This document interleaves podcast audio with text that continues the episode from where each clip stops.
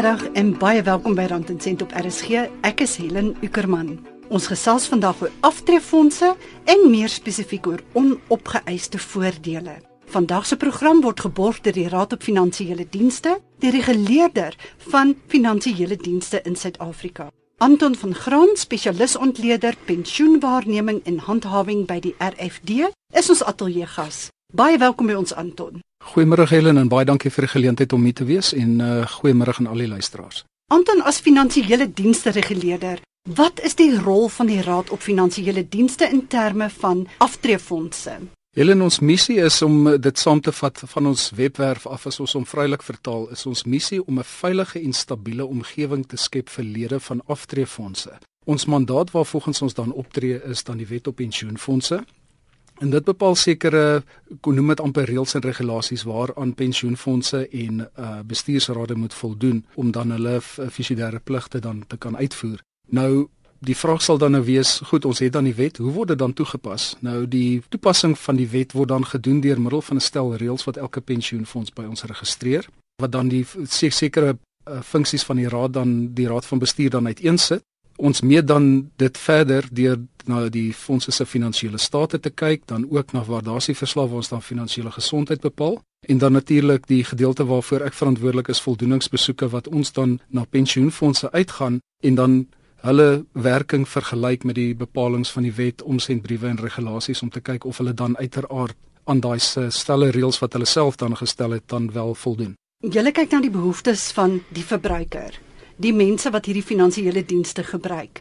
As jy by 'n finansiële dienste verskaffer kom en jy sien maar hulle hou nie by die reëls nie, op watter manier tree julle op? Wat ons dan eerstens doen, ons gebruik dan die stel reëls wat die fonds geregistreer het. So dit gee vir ons dan die maatstawwe waarvolgens die fonds dan gaan optree. So dit sal dan sê waaruit bestaan die raad van bestuur, hoeveel persone is betrokke daarbey. So die werkswyse volg daarop in terme van hoe die beleggings gedoen word, hoe voordele betaal word, hoe bydraes gelewer word tot die fonds. So daar's 'n reeks eh, sake wat ons dan na kyk en dan vergelyk ons dit dan met 'n standaard wat ons dan het in terme van die wet op pensioenfonde en dan wat ons dan doen as die fonds nie voldoen daaraan nie, dan maak ons sekere voorstelle aan hulle om dit dan reg te stel en dan natuurlik as die persone nie gehoor gee nie, weet dan weet dan kan ons na die groot lat uithaal, dan kan ons verder optree. Wat doen julle met die groot lat? Ja, daar's verskeie opsies. Ons kan fondse onder kuratorskap plaas. Ons kan wat ons noem 'n artikel 26 raad van bestuur aanstel waar die registrateur dan in effek die beheer en bestuur van die fonds dan toewys aan spesifieke persone wat die registrateur dan voorheen goedgekeur het. So weet dan word daai persone dan aangestel om die fonds dan weer terug te kry op 'n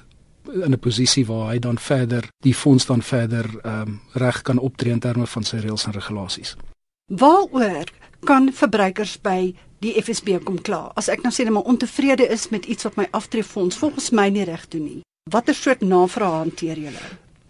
Kom ons sê in terme van die eh, pensioenfondse waarvoor ons verantwoordelik is. Is daar enige iets wat met die werking van daai pensioenfonds, so dit kan wees jou raad van bestuur, dit kan die beleggings van daai fonds wees, dit kan die ehm um, administrasie van die fonds wees. Wat ons dan in effek doen is, is ons sal daai navraag namens jou hanteer en dan na aan die spesifieke diensverskaffer rig. Maar wat jy die luisteraars ook moet onthou, dat daar in elke stel reëls vereis ons dat daar 'n dispuut oplossingsprosedure in die reëls is. So dit sal byvoorbeeld bepaal dat jy jou klagte moet rig aan die fonds en dan as jy nie binne 'n sekere tydperk 'n bevredigende reaksie kry nie, dan het jy die opsie om dit verder te neem en dit is nou waar ons in die wetgewing ingeskryf vir die rol van die pensioenfonds beregter. So wat ons dan sal doen is is jy die fonds genader vir inligting.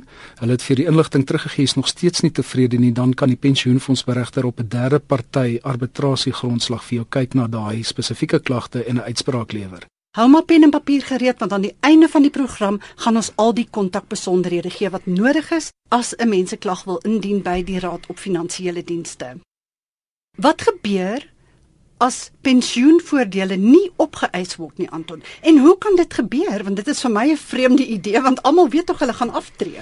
Ja, ons vind dit ook baie keer snaaks, maar ek dink as dit ook nou nie was dat mense vergeet het van hulle pensioenvoordele en ons dalk nou nie vandag die gesprek gehad nie, maar dit gebeur wel dat daar situasies is waar pensioenvoordele onopgeëis bly.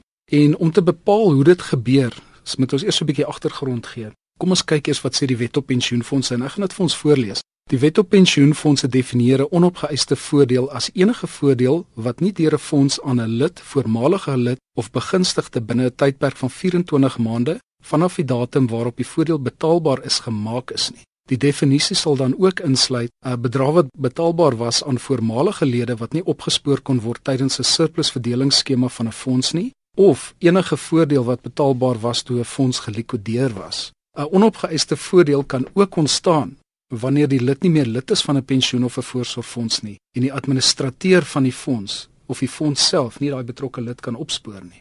Dit ontstaan ook normaalweg wanneer 'n lid die verkeerde bankrekening besonderhede of belastingbesonderhede aan die werkgewer, die administrateur of die fonds verskaf. En interessant genoeg selfs net 'n klein verkeerde nommertjie hier en daar kan die hele dingetjie vir mense heeltemal omkrap. Soms kry ons ook dat die betrokke lid versuim om die inligting in die fonds te verskaf. Dit gebeur gewoonlik wanneer die persoon bedank en die vorms invul en daar seker ontbrekende inligting en wanneer die persoon genader word is die is daar nie kontakbesonderhede nie of die persoon is net nie bereid om enige, enige inligting beskikbaar te maak nie. En dit kan ook ontstaan wanneer die lid nie sy pensioen of voorsorg uh, voordeel binne 'n redelike tyd opeis nie. Nou normaalweg in die wat ons dan in die praktyk sien, meeste fondse pas toe as die voordeel nie binne 6 maande opgeëis word of as die persoon nie sy vormpie invul om sy voordeel op te eis nie, dan uh, dan word dit dan geklassifiseer as 'n onopgeëiste voordeel.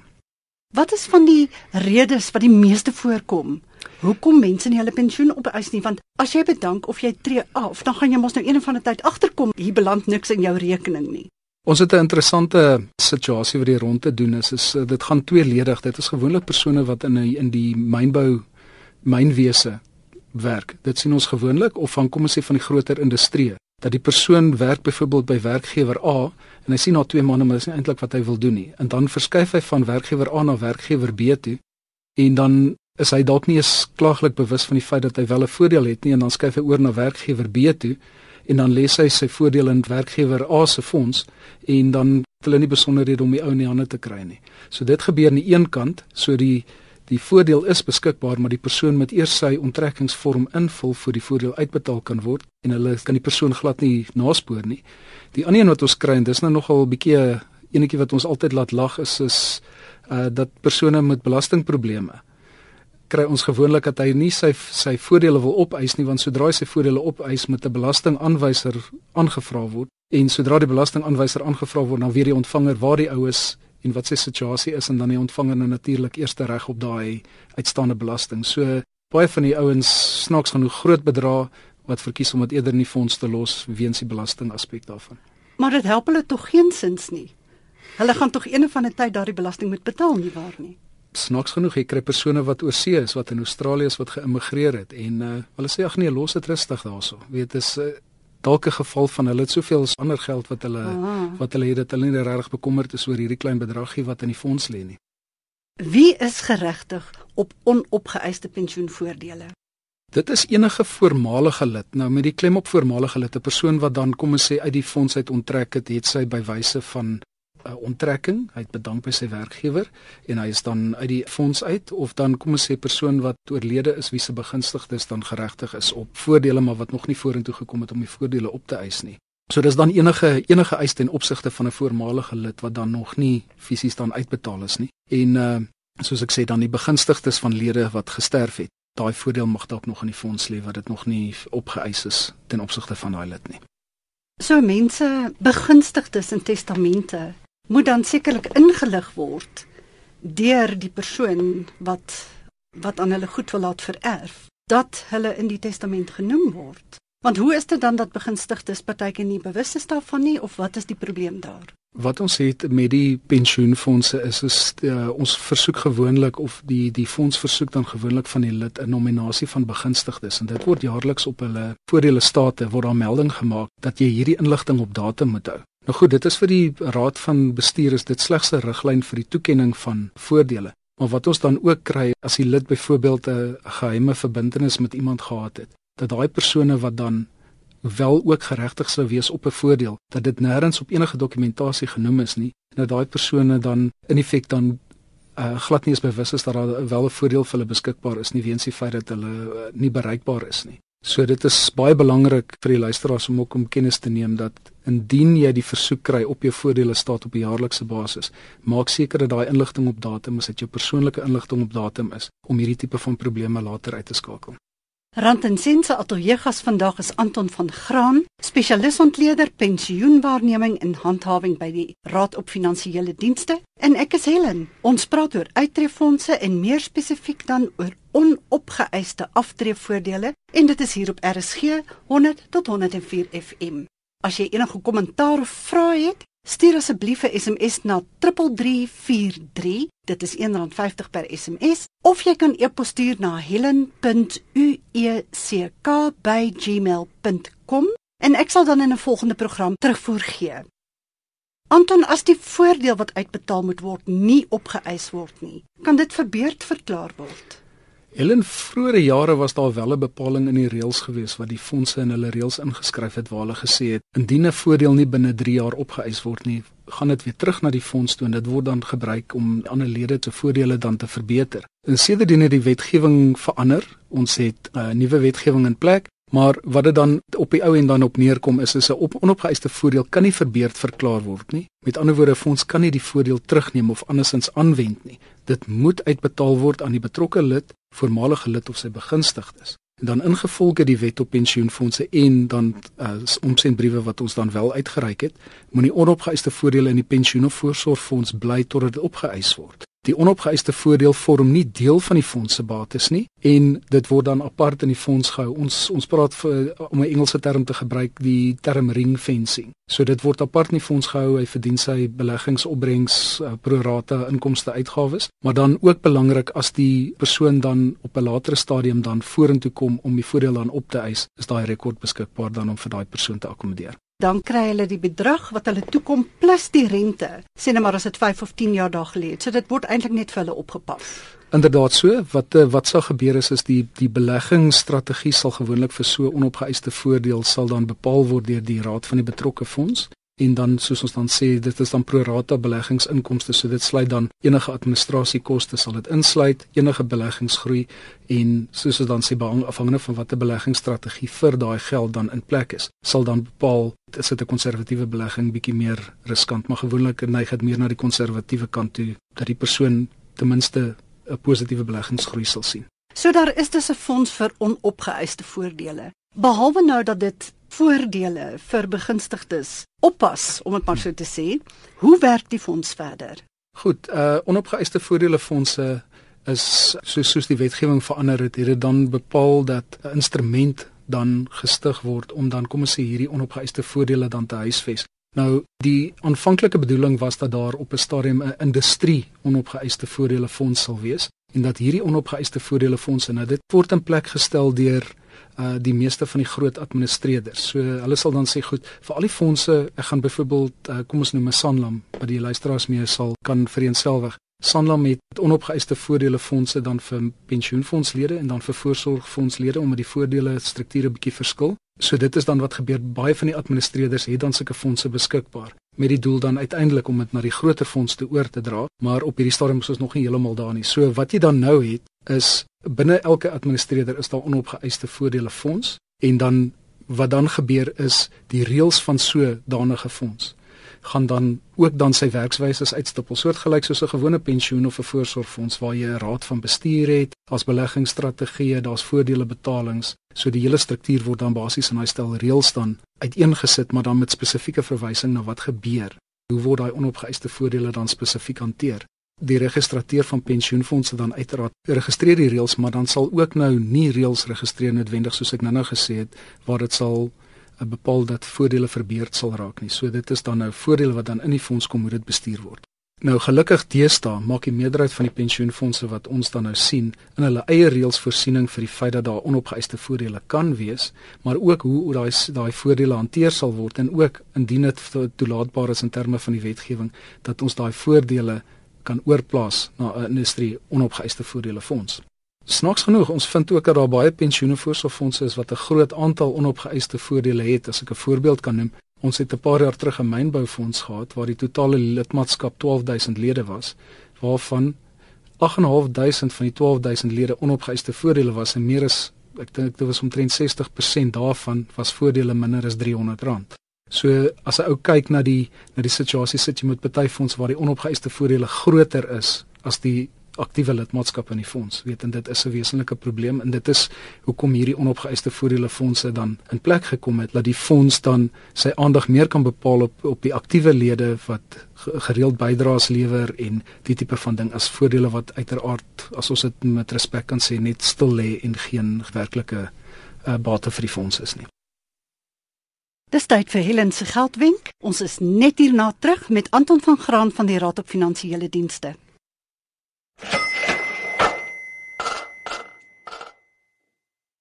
Van die wêreld se welvarendste mense sal vir jou vertel dat jy jouself elke maand eers moet betaal. Wat beteken dit? Van jou bruto inkomste neem ten minste 10% en spaar of belê dit. Dit klink dalk moeilik nou, maar oor 'n paar jaar as daardie geldjies begin groei het, sal jy nie 'n oomblik spyt wees oor daardie opoffering nie.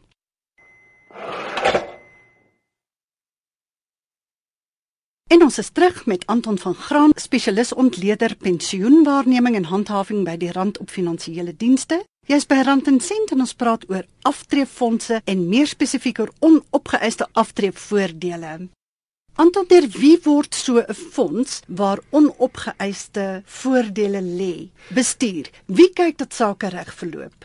Uh, soos vroeër gesê het, elkeen van daai fondse word dan deur 'n raad van bestuur of soos ons dan algemeen daarna verwys as 'n raad van trustees dan bestuur, soortgelyk op dieselfde basis as wat die wet op pensioenfondse dan vir gewone fondse dan sou voorskryf. Maar wat ons dan normaalweg het omdat dit kom ons sê 'n fonds is wat deur 'n administreerder in werking gestel is, word dit dan hanteer as as 'n tipe van 'n bewaringsfonds. Nou 'n bewaringsfonds het dan nou kom ons sê nie verteenwoordiging deur lede spesifiek nie. So jy sal tipies vind dat die fonds word dan beheer en bestuur deur die persone wat die wat die fonds borg. So kom ons sê die administreerder sal sy verteenwoordiging hê en dan sal hulle ook onafhanklike raadslede hê wat dan na die belange van die lede kyk. As jy nou pas ingeskakel het, jy's by Rand en Sent op RSG met Helen en ons praat vandag met ons ateljeegas Anton van Graan, spesialis ontleder pensioenwaarneming en handhawing by die Raad op Finansiële Dienste. Ons praat oor aftreefondse en onopgeëiste aftreevoordele. Voor ek vir Anton verder uitvra oor belastingimplikasies met onopgeëiste aftreevoordele, onthou, jy kan hierdie program aflaai in MP3 formaat van RSG se webwerf by rsg.co.za as jy weer wil luister of laat ingeskakel het. Anton, belastingimplikasies. Is daar belastingimplikasies wanneer aftreevoordele na 'n fonds vir onopgeëiste voordele oorgeplaas word? Uh Helen, die woord wat ons daarna moet kyk is is oorgeplaas. Nou wanneer belasting ter sprake kom, dit is wanneer 'n persoon geregtig gaan wees op kontant. So dit sal nou wees onttrekking uit die fonds uit hy vul sy vormpie in, hy vra dat kontant aan hom uitbetaal word. In so 'n geval sal 'n belasting betaalbaar wees want daar is 'n verpligting om 'n belastingaanwyser te bekom. Sodra geld nie in die hande van die persoon kom in 'n kontant bedrag nie, as in hierdie geval dat dit oorgeplaas word van fonds A na fonds B, is daar geen belasting betaalbaar nie. Die belasting sal slegs betaalbaar wees as die geld wat in die onopgeëiste fonds opgeëis word en die persoon vorendag kom dat daar dan wel 'n belastingaanwyser gevra word en dan uiteraard dan moet jy jou jou tiende betaal by wyse van spreuke. Watter voordele hou dit in om onopgeëiste voordele oor te plaas na 'n fonds vir onopgeëiste voordele? As ons weer kan teruggaan na die voorbeeld van die mynboufonds, dit is vir die raad van bestuur is dit baie moeilik om hierdie onopgeëiste voordele te bly bestuur want wat jy kry is is die ouditeurs sal uiteraard elke jaar wanneer hulle die audit doen ook die vraag vra hoekom het julle nog nie enige aksie gedoen om hier persone op te spoor nie? En natuurlik met ons voldoeningsbesoeke sal ons ook die ouens vra watse stappe het julle geneem om dan daardie persone op te spoor? So die voordeel daaraan is dat die raad van bestuur van die betrokke fonds waar die onopgeëiste voordele is as dit oorgeplaas word na die nuwer onopgeëiste voordele fonds dan gaan die verpligting ten opsigte van daai lede gaan dan oor op die nuwe raad van bestuur en die ou fonds gaan dan uiteraard uh, nie meer met die uitgawe basies op sy boeke sit nie.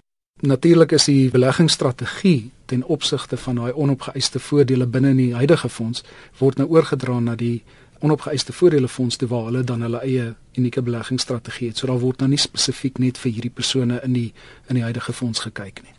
Is daar enige nadele daaraan verbonde? Is 'n uh, partykeer bietjie van 'n 'n morele kwessie want mense sal voel dat ek was nou lid van hierdie fonds gewees maar hulle het nou nie genoeg belang gestel om my te probeer in die hande kry of so hulle verloor hy persoonlike kontak met die fonds want nou uiteraard of of ewe skielik is my voordeel wat nou by fonds A was nou is dit by administreerder A se se bewaringsfonds of se onop, onopgeëiste voordele fonds so ek verloor bietjie van daai kontak wat ek sou gehad het. En dan natuurlik is die probleem in die onopgeëiste voordele fonds vir solank as wat die voordeel nie opgeëis word nie is daar deurlopende administrasiekoste en opsporingskoste wanneer dit sou nodig wees. So daar is sekere uitgawes wat dan ten opsigte van daardie voordeel in die onopgeëiste voordele fonds gehef gaan word. So as ek nou agterkom, daar is onopgeëiste voordele wat my toekom. Hmm. Hoe gaan ek te werk om dit te eis? Goed, daar's ons twee spesifieke uh, kategorieë wat 'n mens na moet kyk. Ten opsigte van onopgeëiste voordele opeis, kyk ons basies na twee kategorieë. Ten opsigte van 'n voormalige lid en dan natuurlik ten opsigte van begunstigdes van 'n lid wat dan oorlede is. So wat ons dan as sal kyk ten opsigte van 'n voormalige lid. Nou dit is baie belangrik dat luisteraars altyd seker maak dat hulle ten minste van hierdie dokumentasie beskikbaar kan hê want die onus is nou op die persoon om te bewys dat hy wel het sy of 'n lid van die van die spesifieke fonds was of in die geval van 'n begunstigde dat die oorledene wel ook 'n lid van hy spesifieke fonds was. Nou 'n dokumentasie wat op hierdie stadium belangrik sal wees is die voormalige lid moet dan enige dokumentasie wat aandui aan watter pensioen of voorsorgfonds hy dan sou behoort het. Nou dit sluit in byvoorbeeld 'n loon of 'n salarisstrokie, 'n voordele staat vir fondse word verplig om op jaarlikse basis voordele staat uit te gee, so as dit beskikbaar is, baie belangrik. Enige korrespondensie wat jy dalk van die fonds af gekry het. Dit is baie belangrik om dan te bepaal dat aan watter fonds jy behoort het. Weet natuurlik dan as jy jou eisvorm gaan invul, gaan hulle dan sê goed, weet kopieë van uh identiteitsdokumente, bankstate en die tipe van ding om jou identiteit te bewys. Dan as dit kom ten opsigte van 'n begunstigde van 'n voordeel ten opsigte van 'n persoon wat oorlede is, nou dit raak nou so 'n bietjie bietjie meer tegnies omdat dit maar 'n redelike tamaletjie is om hierdie voordele dan aan begunstigdes eh, basies uit te betaal of beskikbaar te stel. Ook dan dieselfde enige dokumentasie wat kan aandui watter pensioen of voorsorgfonds die oorlede lid behoort het, byvoorbeeld dan ook 'n loon of 'n salarisstrokie of selfs 'n voordele staat. Dit kan ook enige dokument of korrespondensie insluit soos 'n brief van die lid se betrokke fonds En dan enige dokumentasie wat bewys lewer dat die eiser wel die wettige voog of versorger van die begunstigde is as die begunstigde byvoorbeeld 'n minderjarige is. Soos byvoorbeeld 'n geboortesertifikaat in nat, in geval van 'n natuurlike voog. Waar die voog nie die ouer van die minderjarige is nie. Moet daar aansoek gedoen word by die Hooggeregshof vir voogdyskap. Die eiser sal dan ook sy of haar identiteitsnommer of 'n kopie van die identiteitsboekie en kontakbesonderhede moet verskaf as ook enige besonderhede van die minderjariges namens wie geëis word en dit sal dan ook insluit 'n geboortesertifikaat. So dit is dan baie belangrik dat dokumentasie is absoluut kritiek want uh, die die hele proses gaan gaan 'n ek wil amper sê wetsproses volg. So jy moet dan klinkklaar bewys kan lewer. Die raad van die betrokke fonds of die bestuursraad van die betrokke fonds gaan dan in hulle diskresie besluit of jy dan regtig lid vir lid of 'n voormalige lid of dan 'n beginsigte van die fonds is en dan word dan op daai basis beoordeel. So as jou eis sterk genoeg is, dan sal jy kan uh, aanspraak maak op die onopgeëiste voordeel. Dan indien 'n lid of 'n voormalige lid of 'n begunstig wil navraag doen of daar enige onopgeëiste voordeel aan hom of haar verskuldig is, is dit 'n goeie idee om miskien dalk eers te begin met die kontakbesonderhede wat jy reeds in jou besit het. So dit sal wees, weet sy of die administreerder die kontakbesonderhede van die fonds laat hy ou daai opsies eers uitoefen, want dit is dan die persone wat aan jou die dokumentasie uitgereik het. As jy op daai stadium kom met jy nou sê goed, ek kom glad nou nie reg met dit nie, dan is dit die volgende opsie wat jy wel kan uitoefen is, is dan om die raad op finansiële dienste te kontak en ons sal probeer om jou in kontak te sit met die relevante persone.